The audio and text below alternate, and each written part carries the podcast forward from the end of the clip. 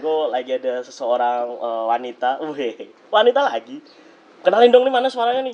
Halo. Wih. Rahasia dulu namanya. Oke oke. Jadi di depan Paman Hilman ini ada seorang wanita yang dulu saya udah kenal hampir berapa ya empat tahun yang lalu ya. Sekarang ini wanita ini eh, lumayan menginspirasi saya seperti beberapa beberapa narasumber sebelumnya. Jadi ada beberapa itu yang dulunya itu mungkin bukan siapa-siapa. Wih. Bener sih. Wih, wih kelihatan kan soalnya halus banget ya Allah.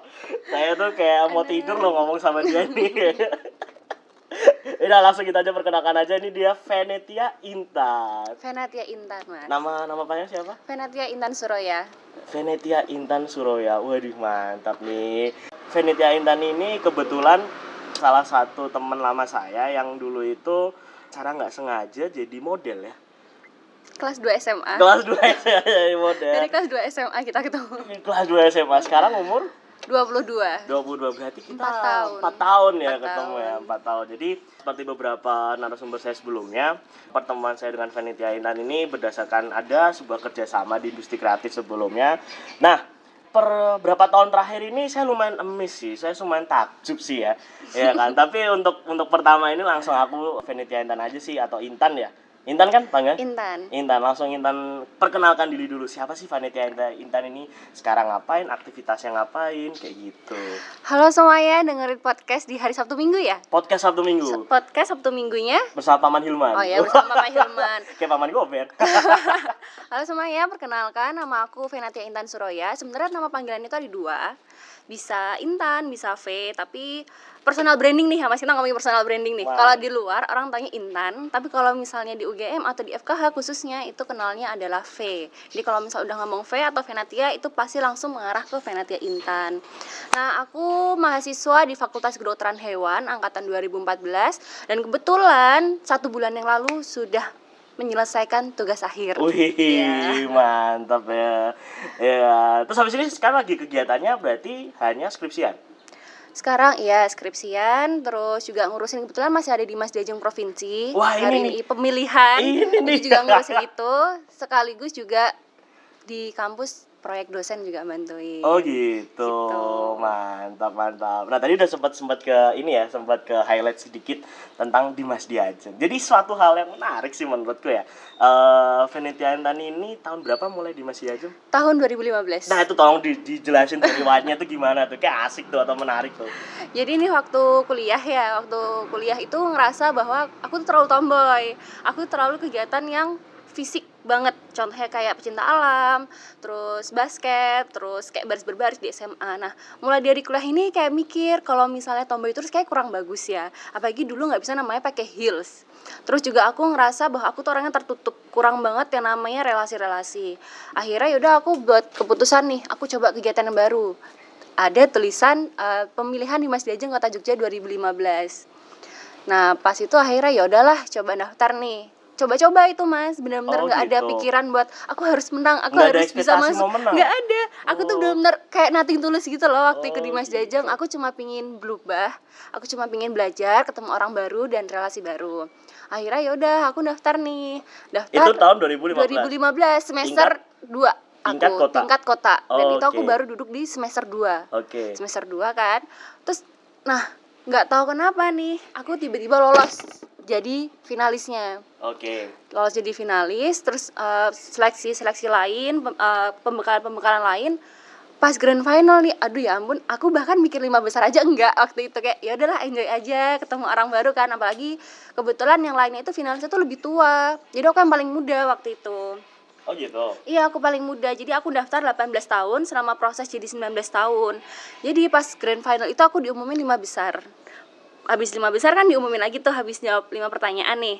Terus dium- eh, diumumin tiga besar. Kok aku nggak kok aku nggak keluar-keluar dari awal? Biasa kan kayak harapan dua, harapan satu, wakil dua, wakil satu. Terus waktu udah dipanggil di wakil dua nih Kok tinggal aku berdua sama kebetulan waktu itu ada namanya Lia Karina. Nah dia ini atlet juga gitu loh mas. Jadi kan aku mikirnya oh ya udahlah ini pasti Lia Karina nih yang menang kayak gitu.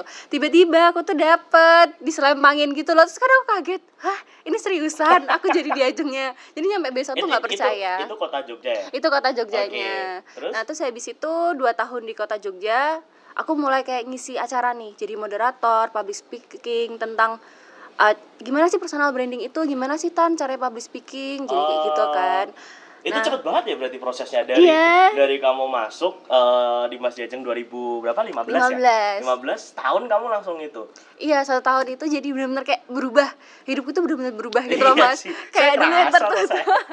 Dulu dari yang dulu tertutup dari yang dulu malu-malu sekarang tuh kayak udah nggak punya malu mungkin ya kalau ngomong depan umum tuh kayak deg-degannya di awal habis itu udah biasa lagi kayak gitu Enggak sih saya kerasa sih. Maksudnya ngomong sama Intan nih jadi lebih halus. Lebih halus, ya tertata kan? Ya, mannernya inilah. dawet gitu ya definisi ini ya wanita Jawa idaman tuh gini-gini lah. Pak. Iya. terus terus. terus habis itu dimajuin ke 2016 16 itu di provinsi Oh gitu. di provinsi ini nah aku tuh juga nggak aspek itu lah mas kalau misal aku masih lima besar kebetulan kan kalau dari DI itu orangnya bagus-bagus pertama yang kedua aku juga golongannya masih yang muda lah masih muda-muda yang lainnya tuh udah pada tua-tua udah pada kerja kayak gitu ternyata alhamdulillah lagi nih aku masuk lima besar lima besar terus akhirnya aku dapat di peringkat harapan dua di provinsi jadi aku men- menyandang dua kali jadi tahun ini masih jadi Dimas Dejeng daerah istimewa Yogyakarta Itu tuh masa baktinya berapa tahun sih setahun? dua ya? tahun dua tahun Oh gitu. 2015 beran- berarti berakhir 2017. Yang provinsi 2017. 2018 dari 2016 ke 2018 Oh, gitu gitu gitu gitu gitu. Oke oke oke oke. Berarti even akhirnya kamu setelah eh, empat tahun ya berarti ya plus minus ya. iya kurang lebih 4 tahun Perubahan apa sih yang paling kerasa? Saya udah tahu sih sebetulnya, tapi kalau dari kamu apa sih kayak yang dulu kamu nggak berani atau apa yang kamu bener-bener kerasa apa sih berubah setelah ikut di situ? yang pertama sih bener-bener dari relasi ya mas ya aku dulu tuh cuma kenalnya mungkin anak-anak sekolah waktu zaman SMA atau di FKH di fakultas aja. Kebetulan kan fakultas aku di pojok ya mas. Nah salah satu kenapa aku ikut di Mas Jejeng ini karena aku tuh pengen kenal dari fakultas lain kenal dari mana-mana kayak gitu. Kebetulan kan juga ikut di Mas Jejeng ini dari fakultas lain juga banyak nih di UGM dan di universitas yang lain juga. Akhirnya ya udah mulai dari situ aku ngerasa bahwa oh kalau orang ini kenal aku aku nanti kalau misalnya ada acara aku jadi kayak direkrut gitu loh mas. Kayak oh ini nih aku punya kenalan namanya Venatia Intan misalnya buat ngisi acara kayak gitu. Jadi relasinya tuh kerasa banget kayak gitu. Dan dulu aku yang namanya ngomong di depan umum tuh gitu nggak bisa kayak eh, aduh ngomongnya gimana aduh keringet dingin pokoknya tuh nggak bisa lah pas kalau disuruh ngomong di depan umum kayak gitu ya nah semenjak di Mas Jajang ini aku sering banget ngisi acara jadi freelance aku itu semenjak kuliah nih alhamdulillah banget semenjak di Mas Jajang aku mandiri dalam finansial juga Oh iya. Iya, jadi karena Oh, aku mungkin bukan oke. golongan orang yang habis kebanyakan di Mas Jajeng itu larinya nanti jadi Model. model Iya, iya. atau pembawa acara iya, gitu. soalnya kalau ngeliat kamu kayak masih berkecimpung di kuliah-kuliah aja. Iya, aku tipenya itu yang kuliah sama di uh, ngisi acara. Jadi aku lebih ke Oke. ngisi acara tentang personal branding, public speaking, Dan dari situlah leadership kayak dapat gitu. eh, finansialmu pribadi. iya. Oh, my. Dan kebetulan juga kan kalau misalnya kayak event ini nih Prambanan Jazz kayak gitu-gitu kan Ah. masa event yang bagus gitu ya Mas. Ah. Nah, aku juga dapat relasi nih kayak ya udahlah Intan bantuin dong di event ini jadi LO-nya kayak Oh, gitu. gitu. Jadi sekarang itu kalau misal aku nonton konser itu juga kebanyakan gratis nih Mas.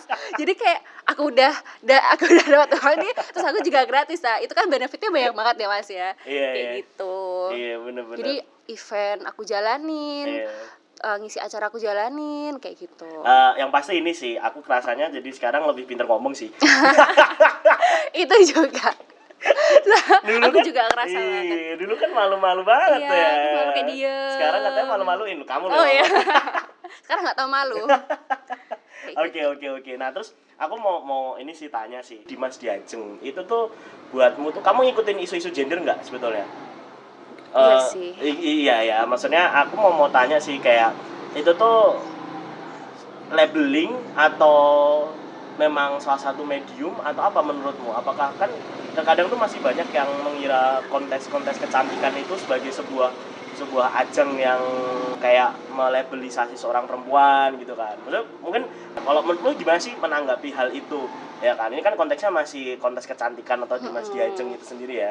Kamu gimana kok menanggapi eh, menanggapi tentang stigma atau menanggapi tentang labeling terhadap Dimas Diajeng itu? kalau menurut aku ya mas ya kalau untuk Dimas Jajeng itu merupakan sebuah media dan sebuah label jadi tuh nggak bisa nggak bisa cuma label doang atau media doang nggak bisa. Wah nah. pertanyaannya nih jawabannya, jawabannya putri banget nih. Jadi Oke, kalau oke. misalnya Media label, Heeh. kalau label ini kan berarti otomatis orang tahu oh ini si A ini udah jadi diajeng. Jadi sampai sekarang benar-benar aku ngerasa bahwa label aku tuh masih seorang diajeng. Jadi setiap kali ketemu oh ini ya yang diajeng Jogja itu ya. Oh ini berarti yang duta pariwisatanya kota Jogja kayak gitu. Medianya adalah kita bisa tahu nih sebenarnya open mind gitu sih mas. Kayak media aku bisa belajar lebih jauh. Nggak cuma tentang fakultas kedokteran hewan nggak cuma sekedar orang-orang di sekitar lingkungan aku tapi aku tuh bisa belajar dari banyak hal. Mulai dari bagaimana sih menjadi seorang perempuan itu bagaimana sih kita tuh beraktivitas tapi juga bisa pendidikan nomor satu kayak gitu nah Oke. kebetulan di Dimas Jejeng ini aku dapat semuanya Oke, jadi ke- eh, entah kenapa ya tiba-tiba waktu aku masuk itu orangnya hebat-hebat semua mas jadi Oh. bener-bener yang kita tuh harus balance antara pendidikan dan kegiatan di luar jadi aku Ah. menggunakan Dimas Jejeng ini sebagai media aku buat bagaimana sih sebenarnya orang-orang hebat di luar sana Ah. dengan segudang aktivitas tapi juga masih bisa bagus pendidikannya di kampus kayak Oke. gitu Itu akhirnya yang mendasari kamu tetap masih fokus di pendidikan kamu ya. iya karena Oh, menurut aku oke. tuh pendidikan nomor satu sih mas Iya, iya. tetap pendidikan Iya, nomor satu punya banyak teman-teman yang model-model background-background kayak gitu ya. Jatuhnya itu casting, habis itu Iya. ya kan harus jatuhnya itu modeling atau apa. Kalau kamu tetap ini ya, pendidikan ya. Mantap, mantap, mantap. Kalau kalau aku sih ya mas, kalau aku itu waktu habis, jadi aku tuh punya life plan gitu. Hmm. Jadi misalnya kayak tahun ini sampai segini aku tuh fokusnya di mana. Tapi bukan berarti aku meninggalkan pendidikan itu bukan. Jadi kayak aku mau cari kegiatan, aku mau cari relasi, pengalaman di luar FKH. Oke lah, aku cari relasi di luar FKH. Dari Dimas Jajeng akhirnya aku direkomendasi ini. Jadi humasnya BEM Universitas Gajah Mada. Padahal aku tuh sebelumnya bukan anak BEM, bukan anak aktivis. Hmm. Iya, ya. Di Nggak tahu politik fakultas ya? nggak tahu politik, aku mahasiswa Fakultas Kedokteran Hewan dan di situ adalah aku satu-satunya salah satu cewek yang jadi menteri di BEM Unif waktu Men- itu. menteri apa waktu itu? Humas. Oh, jadi humas. Terus? Nah, waktu itu kan aku mikir, oh ya bener nih, aku terlalu banyak sibuk di luar. Aku kurang relasi di dalam kampus UGM sendiri. Padahal kan harus seimbang ya masih antara relasi di luar sama di kampus. Bener, bener, gitu. bener, bener. Akhirnya ya udahlah aku terima tawaran. Nah, dari situ juga akhirnya aku kenal sama univ-univ lain. Ah. Univ-univ lain gimana bahwa aku harus melihat sudut pandang positif sama negatif. Misal ada kegiatan apa di BEM, aku bisa nilai.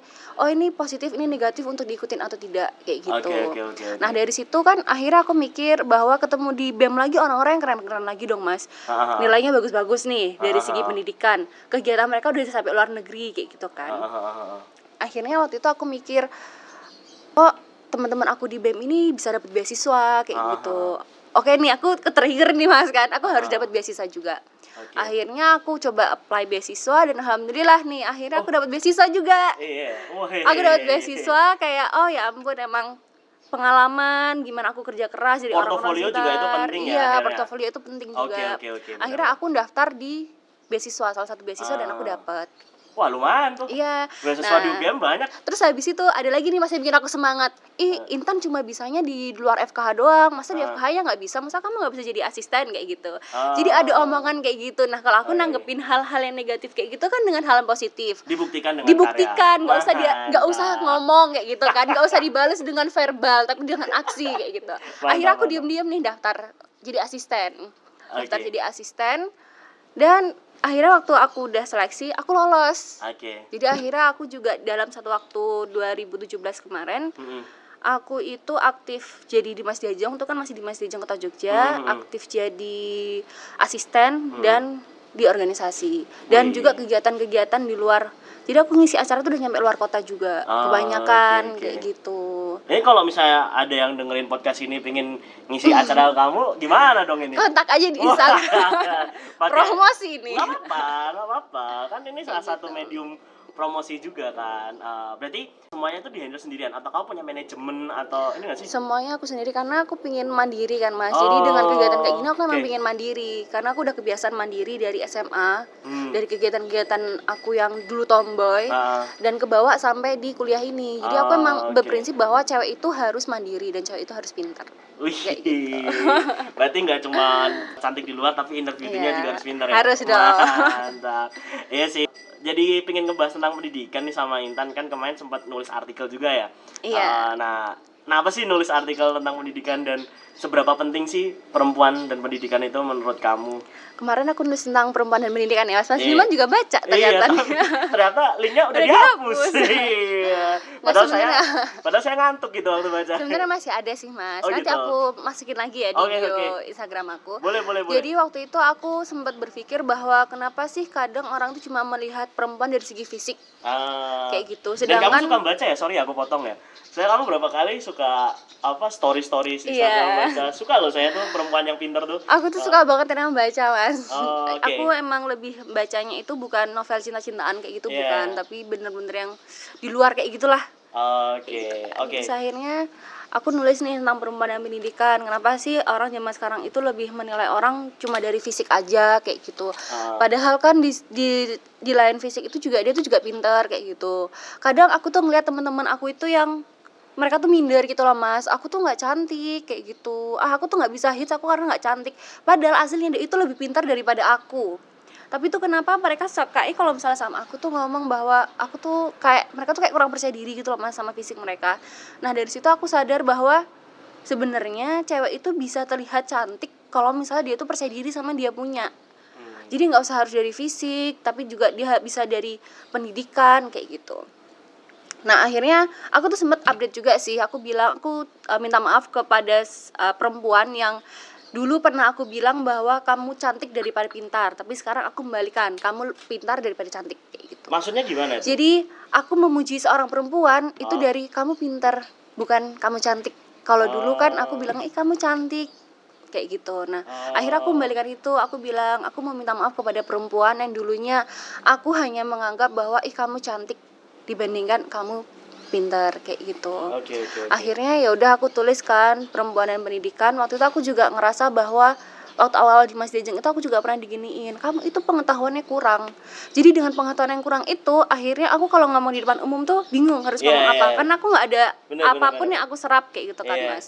Dari situ aku mikir oh iya benar ya. Aku kalau ditanyain dulu aku ditanya tentang pariwisata tuh kayak bingung gelagapan aku tuh harus jawab apa aku dari fakultas kedokteran hewan aku nggak ngerti apa-apa tentang pariwisata kayak gitu Oke. akhirnya aku banyak belajar aku banyak baca oh ternyata bener nih kalau misalnya emang banyak baca banyak belajar bahwa itu tuh penting kita tuh tahu kalau misalnya kita diskusi sama orang kita kelihatan pinter kita paham juga apa yang orang maksud kayak gitu Oh. kan Oke. selain itu juga aku menganggap bahwa eh, peran keluarga itu pertama kali dari perempuan dan perempuan itu dari pendidikan Wih. gitu kan kan ini. sekarang umurnya udah tua nih ya mas jadi mikirnya harus ke arah sana nih udah harus gimana sih bisa membentuk keluarga kecilnya sendiri kayak gitu Aduh, dari kemarin saya tuh wawancarai narasumber perempuan, padahal saya aja lebih tua dari kalian. Kok kalian udah mikir keluarga-keluarga? Oke, oke, mantap. Benar, Jadi- Pak, keluarga itu peran penting. Nah, jadi Iya, gimana? jadi pertama kali anak dibentuk itu dari keluarga sih mas. Aku ngerasain itu di keluarga aku. Jadi aku tuh dulu dituntut bahwa kamu boleh kegiatan apa pun, tapi kamu harus tanggung jawab dengan pendidikan kamu kayak gitu. Aku dari dulu dituntut buat masuk sekolah ini, buat masuk SMA ini, buat masuk universitas ini dengan jalur apa pun juga dituntut waktu itu. Tapi aku mikir-mikir memang berat sih mas awalnya ya. Tapi setelah aku pikir oh ya benar sih. Kalau misal dari keluarga aku tidak dididik seperti itu, mungkin aku nggak bisa kayak gini. Aku nggak bisa masuk universitas yang aku pingin kayak gitu. Selain itu juga dengan adanya pendidikan itu bisa membuat perempuan itu berkarir tinggi. Tapi bukan Oh. berarti melupakan kodratnya ya mas Iya, ya. iya, iya. Karena karena aku mikir bahwa perempuan itu harus bisa berdiri di kakinya sendiri. Perempuan itu harus bisa mandiri kayak gitu. Mantap nih kayak Kartini. Iya. Saya ngomong ini. Ya, kan? Jadi mau kamu akhirnya bisa berkarir atau emang pingin berkeluarga, setidaknya kita tuh bisa mendidik anak. anak lebih dulu Iya. di keluarga. Jadi Oke. makanya kenapa bahwa cewek itu harus terlihat pintar, cewek itu harus pintar karena itu penting gitu. Oke, waduh, duh, duh, duh. Apalagi aku pingin jadi wanita karir ya mas ya. Oh, gitu? Jadi menurut aku pendidikan itu belum nomor satu lah sekarang Saat ini. saat ini. Oke. Itulah kenapa akhirnya aku kalau misalnya dengan segudang aktivitas itu kadang aku ngerjain skripsi nyampe di kereta mas. Di kereta di pesawat aku tuh ngerjain kayak gitu waktu belum berangkat kayak gitu. kalau di kereta kan enak ya mas ya jadi Ah, selama ah. perjalanan aku ngerjain Oh. jadi emang aku tanggung jawab dengan diri aku aku ngisi acara sampai luar kota aku bawa laptop juga ini Oh, aku pokoknya nggak mau harus nambah semester aku prinsipnya kayak gitu kan sekarang semester berapa sih 8 aku ya semester 8 Oh, terus bagi waktunya gimana tuh Tan? Kayak aku ngeliatin, ini wah nggak kerasa udah hampir 20 menit ya. Ini dari Iya. tadi tuh aku ngobrol sama kamu tuh kayak wah ribet banget nih acaranya, kalau ribet banget nih akhirnya. Kamu bagi waktunya gimana Tan?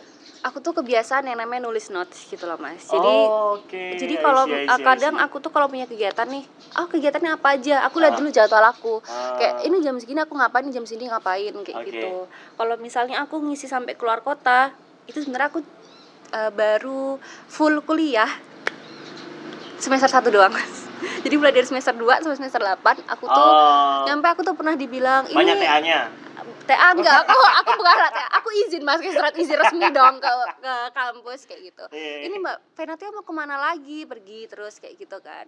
Nah tapi biasanya kalau aku keluar kota itu tuh kadang seringnya tabrakan sama mendekati Praktikum gitu. ujian Oh. mendekati praktikum Oke. mendekati aku skripsi kayak gitu nah Oke. aku tuh selalu bawa handout aku udah siapin materi pokoknya nanti di sana habis aku kegiatan kalau ada waktu luang aku belajar Oh. kayak gitu jadi aku kayak gitu terus jadi waktu itu aku pernah ngisi acara di SP2KM juga gimana sih kok bisa membagi itu? waktu itu direktorat kemahasiswaan Oh, oke. direktorat kemahasiswaan terus di situ kita bertiga sepakatnya narasumbernya ada tiga ya mas ya nah Ah. kita sepakat bahwa orang yang ditanya membagi waktu itu gimana sebenarnya dia itu orang uh, nggak kasihan sama dirinya sendiri. Jadi Ah, dia oke. bener-bener kayak ya udahlah waktu istirahatnya tuh dikit aja waktu mainnya tuh dikit aja daripada membuang. Aku mikirnya bahwa main terus tuh membuang waktu ya mas ya. Jadi Oh. mendingan aku menggunakan waktuku untuk hal-hal yang penting kayak gitu. Jadi bener aku tulis uh, to do list hari ini tuh aku sebenarnya apa aja sih kayak gitu. Jadi aku bisa nge-tracking nih aku hari ini bisa ketemu sama orang apa enggak kayak gitu aku agendanya bisa apa enggak gitu. Mantap nih, ini udah cocok jadi ibu rumah tangga. ini nih. menunggu jodohnya ya mas Aduh, malah promosi di sini. Aduh, gejala. Iya. Nah, jadi oke, aku garis besar udah nangkep sih beberapa hal yang aku pengen. Ya, mungkin nanti teman-teman bisa eh, tanya lagi eh, atau nanti kalau ada waktu kita ngobrol lagi. Tapi aku ada beberapa pertanyaan terakhir sih, Tan. Yang pertama aku mau tanyakin, setelah nih kamu merangkai semua semua karirmu, semua karir petmu, semua portofoliomu, even ntar lagi kamu mau lulus kuliah ya. Kamu mau lulus kuliah, eh, habis ini mau ke mana sih? Dan mau ngapa? Iya. aku masih koas mas satu setengah tahun jadi aku masih kerja baru 2019 betul aku pelantikan jadi dokter hewan itu di bulan Desember nah aku tuh sebenarnya kalau untuk aku karir itu nomor satu ya mas. Jadi aku emang udah mikir aku pengen ke mana. Sebenarnya aku pengen banget kerja di sebuah perusahaan tapi aku nggak usah nyebutin ya perusahaannya apa karena nanti pamali dibilangnya. Aku tuh pingin bahwa aku mengikuti kegiatanku. Aku contoh dari organisasi ya. Dari kegiatan itu aku dari bawah sampai atas. Nah aku pingin karirku tuh juga seperti itu. Jadi aku berjalan dari bawah terus nanti aku menduduki posisi yang di atas kayak gitu Oke. Jadi Ber- aku emang berarti karir ya? karir. Pasti wanita karir ya? pasti wanita karir Oke. saya kalau nggak sibuk tuh kayak gatel gitu Mana ada loh yang oh saya habis ini mau nikah aja mas iya. tapi off the record Oh, iya kan, off the record oke berarti pa- pasti karir setelah dua Karir. tahun lagi satu setengah tahun satu setengah tahun lagi kok nggak pengen jadi dokter hewan aja ada ini pertanyaannya nohok sulit ya ya nohok ya Jadi eh, mungkin aku dokter hewan tapi di bagian lain. Jadi dokter hewan itu buk- eh, bukan berarti harus di klinik atau megang Oh, hewan gitu enggak. oke. Jadi dokter hewan itu ada yang kita produk-produk Oh, hewan, produk. manajemen produk, Oh, produk kayak gitu. dari susu atau apa pun itu bisa. Oh, oke. Terus bisa juga di laboratorium kayak balai karantina. Sebenarnya aku tadi Oh. dua sih. Aku pingin di karantina atau di perusahaan. Kebetulan kalau di karantina itu nanti masuknya di Kementerian Pertanian. Oh, Jadi kayak aku gitu. uh, nguji hewan-hewan yang masuk ke Indonesia. Jadi kalau misalnya tem- uh, teman-teman yang masih lemah nih yang mendengar ini Iya, ya, iya. tahu tentang apa itu zoonosis. Jadi zoonosis itu adalah penyakit dari hewan ke manusia, kayak avian Oh. influenza, Oh. terus H5N1, H1N1, Ini ya, flu burung ya, flu burung. flu babi Oh. kayak gitu kan. oke oke Nah, oke ini tuh sebenarnya juga peran dokter hewan gitu loh. Untuk gimana sih caranya biar itu tuh kita bisa ngurangin. oh saya kan baru tahu ini malahan Iya, nah itulah kerjanya di karantina. Oh. Kebetulan juga aku kan suka banget di lab ya mas. Aku bahkan Oh. jadi asisten juga aku nginceran di lab. Oh, yang di lab oke. karena aku tahu uh, kemampuan diri aku tuh untuk di di dalam ruangan bukan di Oh. ruang di luar di luar Ah. ruangan atau aku harus megang hewan secara langsung itu enggak Oh, Oke, oke. jadi dari sampel-sampel sampel itu aku analisis Kalau perusahaan yang kamu tuju nantinya itu masih ada hubungannya sama itu? Ada juga tapi dia langsung ke produknya atau di obatnya Oh, kayak oke. gitu Ya Kalau kita doain lah ya. Iya. Semoga Venetia Intan ini Amin. cepat lulus, terus nanti keterima di situ, ya kan. Amin. Eh, nggak kerasa nih sampai 30 menit. Nah, yang terakhir banget nih. Kan kemungkinan ini kan banyak juga yang mendengarkan kisah inspirasimu pada hari ini ya di podcast Sabtu Minggu bersama Paman Hilman nih. Nah, aku mau tanya, eh, kamu punya nggak sih pesan-pesan atau kiat-kiat buat yang dengerin ini? Gimana sih kalau masih galau atau wah kok aku kayak nggak cocok sih. Wah aku tuh madesu ya nggak punya masa depan ya kan. Aku tuh ini kan even kamu pasti pernah ngerasain itu ya dulu ya. Banget. sampai hari ini kamu Mungkin bisa seperti juga. ini ya kan. Nah aku cuman itu aja sih. Kamu ada nggak sih pesan-pesan buat yang ini? Biasanya orang eh, nggak percaya diri tuh karena dia terlalu melihat orang lain lebih sih mas. Nah aku tuh cuma pengen orang-orang tahu bahwa setiap orang tuh punya kemampuan dia sendiri. Jadi setiap orang itu sudah ditakdirkan untuk hebat dari versinya mereka sendiri-sendiri ada yang dia hebat di versi pendidikannya dia ada dia hebat di versi dia bekerja kayak gitu. Nah jangan melihat orang lain terlalu tinggi tapi lihat bahwa kamu itu punya kemampuan yang luar biasa juga. Selagi kita mau berusaha kita mau kerja keras dan kita punya tujuan yang jelas itu semua pasti bisa tercapai. Wih, mantep. Tidur nggak tuh kalian dengerin? Oke, makasih Penitia Intan udah ngasih waktunya hari ini bersama podcast Sabtu Minggu. Nah, buat teman-teman gitu dulu podcast Sabtu Minggu jangan lupa follow siapa? Venatia Tuh, apa tuh saya nih? V. E double N A T I A Venetia Intan. Kalau mau tanya-tanya langsung atau DM personal sama Venetia Intan, jangan lupa juga follow saya @hilmanharisw dan follow podcast Sabtu Minggu. Siap. Gitu dulu dari saya Paman Hilman dan Venetia Intan. Terima kasih udah mendengarkan dan selamat menikmati hari kalian. Bye bye.